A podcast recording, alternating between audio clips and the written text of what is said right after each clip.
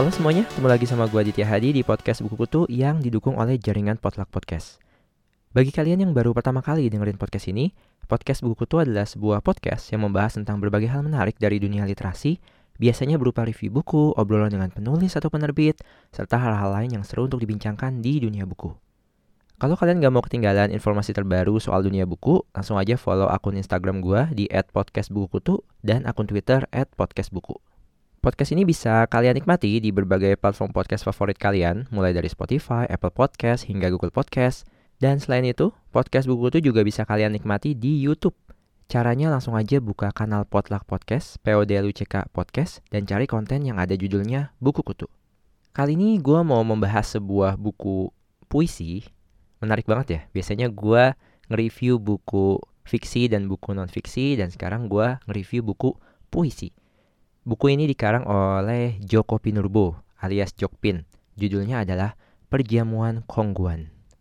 Buat yang somehow belum tahu Jokpin itu siapa, dia adalah seorang sastrawan tanah air, lahir tanggal 11 Mei 1962 dan dia sudah mendapatkan berbagai penghargaan sastra mulai dari hadiah sastra lontar, penghargaan sastra Badan Bahasa Kemendikbud, menjadi tokoh sastra pilihan Tempo, mendapat Kusala Sastra Katulistiwa dan juga mendapat C atau Southeast Asia Write Award. Sebelumnya gue udah baca beberapa buku puisi dia yang lain, termasuk dia juga pertama kali sepanjang sejarah membuat novel yang judulnya Sri Menanti, gue juga udah baca. Gue udah review juga di podcast buku tuh. Sebelumnya gue juga udah baca buku puisi dia, kumpulan puisi lebih tepatnya, yang judulnya Selamat Menunaikan Ibadah Puisi. Emang itu kayak apa ya, best of the best puisi dia lah. Jadi kalau mau tahu Jokpin mungkin gue saranin buat baca yang selamat menunaikan ibadah puisi dulu. Buat gue, Joko Pinurbo ini seorang penyair yang beda gitu dari penyair lain. Di saat Sapardi Djoko Damono banyak berkutat dengan hujan, cinta, kemudian ada Wiji Tukul yang kumpulan puisinya juga udah diterbitin oleh Gramedia. Dia banyak berbicara tentang perjuangan, pergolakan, ayo lawan, kayak gitu. Dan di sisi lain Joko Pinurbo justru hadir dengan celana, kamar mandi, kuburan, handphone, dan hal-hal lain yang lebih biasa kita lihat, dekat dengan kita, lebih membumi lah. Dia biasanya mainin kata-kata, memasukkan hal-hal implisit ke dalam benda-benda yang umum kita lihat tadi, jadilah puisi yang indah. Dan ini juga yang dia hadirkan dalam buku puisi terbarunya yang judulnya Perjamuan Kongguan. Di covernya kalau kalian lihat warna merah dan ada gambar kaleng kongguan yang ikonik banget yang mungkin hampir semua orang di Indonesia tahu. Ketika lebaran atau ketika Natal kaleng itu selalu ada. Nggak tahu ya kalau sekarang mungkin udah jarang ada. Tapi kalau zaman dulu tuh pasti ada di setiap event-event seperti itu Buku Perjamuan Kongguan sendiri terbagi menjadi empat bagian yang oleh Jokpin disebut kaleng. Jadi ada kaleng satu, kaleng dua, kaleng tiga, hingga kaleng empat gue akan jelasin apa yang dia ceritakan di tiap kaleng-kaleng tersebut. Di kaleng pertama, Jokpin lebih temanya lebih random, lebih acak. Dia ngomongin soal kehidupan urban, di mana orang banyak yang terjebak kemacetan, sibuk dengan pekerjaan sehari-hari. Kemudian dia juga ngomongin soal pesta demokrasi yang waktu itu Jokpin katanya pernah jadi petugas KPPS juga di kampung halamannya, hingga soal agama. Satu puisi yang gue suka banget ini judulnya Malam Virtual. Di puisi ini Jokpin seperti menunjukkan bahwa sebagai manusia kita tuh sekarang udah sulit nemu yang namanya kehusyuan. Bahkan di saat-saat yang harusnya kita khusyuk seperti perayaan Natal atau kalau gue menganalogikan mungkin perayaan Hari Raya Idul Fitri atau Idul Adha juga kayak gitu. Semua orang sibuk dengan gadget, sosial media, dan hal-hal lain yang apa ya kayak mereka berusaha menyibukkan diri sendiri dengan hal-hal yang sebenarnya nggak ada hubungannya gitu dengan hari suci tersebut. Bahkan di saat kita mau kita seharusnya khusyuk kita juga nggak bisa khusyuk sama sekali. Menurut gue itu yang diangkat oleh Jokpin di puisi malam virtual ini. Gimana puisinya? Gue coba bacain ya Tuhan yang menyalakan sinyal di antara bual-bual yang viral. Ku cari Natalku yang sunyi di tengah timbunan sampah digital. tahun 2018. Kemudian di kaleng kedua, Jokpin membuat apa ya? Kombinasi antara dua kata dalam bahasa Indonesia. Seperti catatan dan kaki menjadi catatan kaki. Kemudian ada anak dan buah menjadi anak buah. Hingga ini adalah puisi yang gue suka di kaleng kedua ini, yaitu Nina dan Bobo menjadi Nina Bobo. Puisi ini berkisah tentang kondisi seseorang atau masyarakat secara umum yang menyangka dirinya sedang tidur berbalut agama. Padahal sebenarnya mungkin justru mabuk negara. Di sisi lain gak ada yang bisa bikin orang atau komunitas tersebut bangun atau teralih ke hal-hal lain atau merasa tercerahkan selain apa coba? Ponsel yang sebenarnya nggak ada urusan dengan agama ataupun negara. Tapi entah bagaimana device tersebut bisa mengganggu tanda kutip kehusuan orang dalam beragama atau bernegara hanya dengan dering suara dia. Gue coba bacain ya, puisi Nina Bobo karya Joko Pinurbo. Oh ya, di puisi ini ada yang dicoret. Ada kata-kata yang dicoret dan diganti dengan kata yang lain. Gue akan menyebutnya dengan eh. Oke? Kita mulai. Nina Bobo. Nina Bobo dalam pelukan agama. Kalau tidak Bobo dalam pelukan agama, nanti digigit negara. Eh, agama. Terbuai iklan masuk surga, Nina lupa memeluk gulingnya. Tak ada yang bisa membangunkan Nina yang sedang mabok, bobok, dalam pelukan negara, eh, agama, selain ponselnya yang tak beragama. Tahun 2018. Selanjutnya, kita sudah habiskan dua kaleng, kongguan, tanda kutip. Sekarang kita ke kaleng ketiga. Kaleng ketiga ini semuanya puisi tentang seorang nggak tahu ya perempuan harusnya atau mungkin laki-laki juga ada yang namanya Minah. M I N N A H. Menurut Joko Pinurbo nama ini sebenarnya bisa diganti dengan nama apa pun, tapi dia mengambil ini dari katanya dia lagi nonton artis Korea namanya Min Ah. Nggak tahu mungkin Bang Min Ah kali ya. Dan akhirnya dia coba pakai nama itu untuk puisi ini. Ini tentang hubungan seseorang dengan buku. Jadi ada beberapa puisi yang itu semuanya berkaitan atau menunjukkan hubungan antara seseorang dengan buku. Ini ngingetin gue sama buku Rumah Kertas karya Carlos Maria Dominguez yang apa ya menunjukkan banget bagaimana seorang itu begitu mencintai buku hingga akhirnya dia berpetualang sana sini mencoba mencari arti buku itu seperti apa buat dia. Dan kebetulan di kaleng ketiga ini di buku Perjamuan Kongguan ada sebuah puisi yang gue suka banget. Judulnya Rumah Minah. Gue coba bacain ya.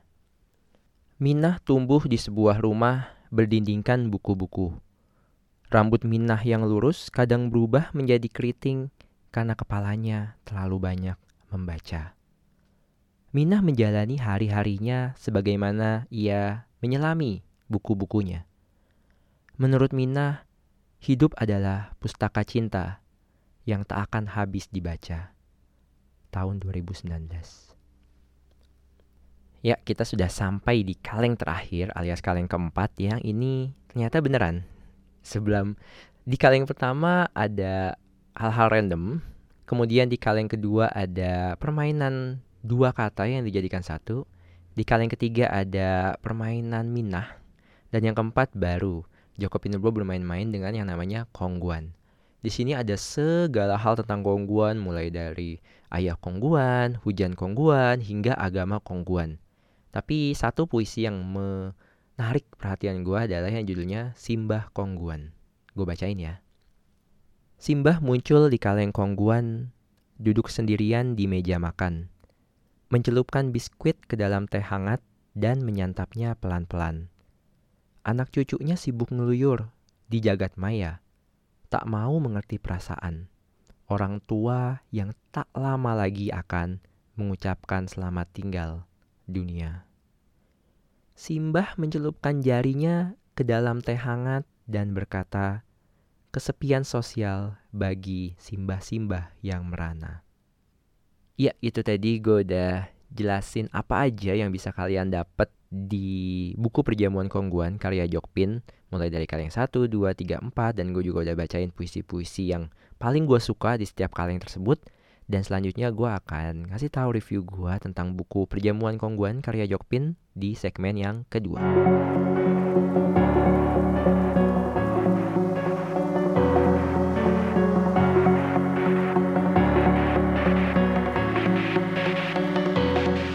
Seperti karya-karya Jokpin yang lain, untuk buku Perjamuan Kongguan ini gue bisa ngasih bintang 4 alias buku yang oke okay, menurut gue. Hampir nggak ada yang salah dengan buku ini. Pertama, jelas temanya tuh menarik banget, judulnya itu menarik banget. Menurut gue ini nih kombinasi yang menarik bagaimana seorang penyair sekelas Joko Pinurbo itu mau memanfaatkan sesuatu yang terkenal di pop culture. Buat gue tuh Kongguan, oke okay lah kita punya kenangan banyak tentang Kongguan, tapi yang mengangkat hal tersebut menurut gue adalah pop culture. Seperti Twitter, kemudian itu jadi meme, kemudian dibuat menjadi kaos, dibuat menjadi nggak tahu ada yang bikin sepatu nggak ya, banyak dibikin celana, kemeja, blazer dan lain sebagainya. Kongguan ini. Dan itu menurut gue apa ya kayak banyak mungkin penyair yang mencoba menjaga jarak dari itu karena mereka ingin mempertahankan oh gue adalah sesuatu yang tinggi gue adalah sesuatu yang mewah sesuatu yang nyastra. Mereka nggak mau masuk ke arah-arah pop culture seperti itu. Tapi Jokpin mau.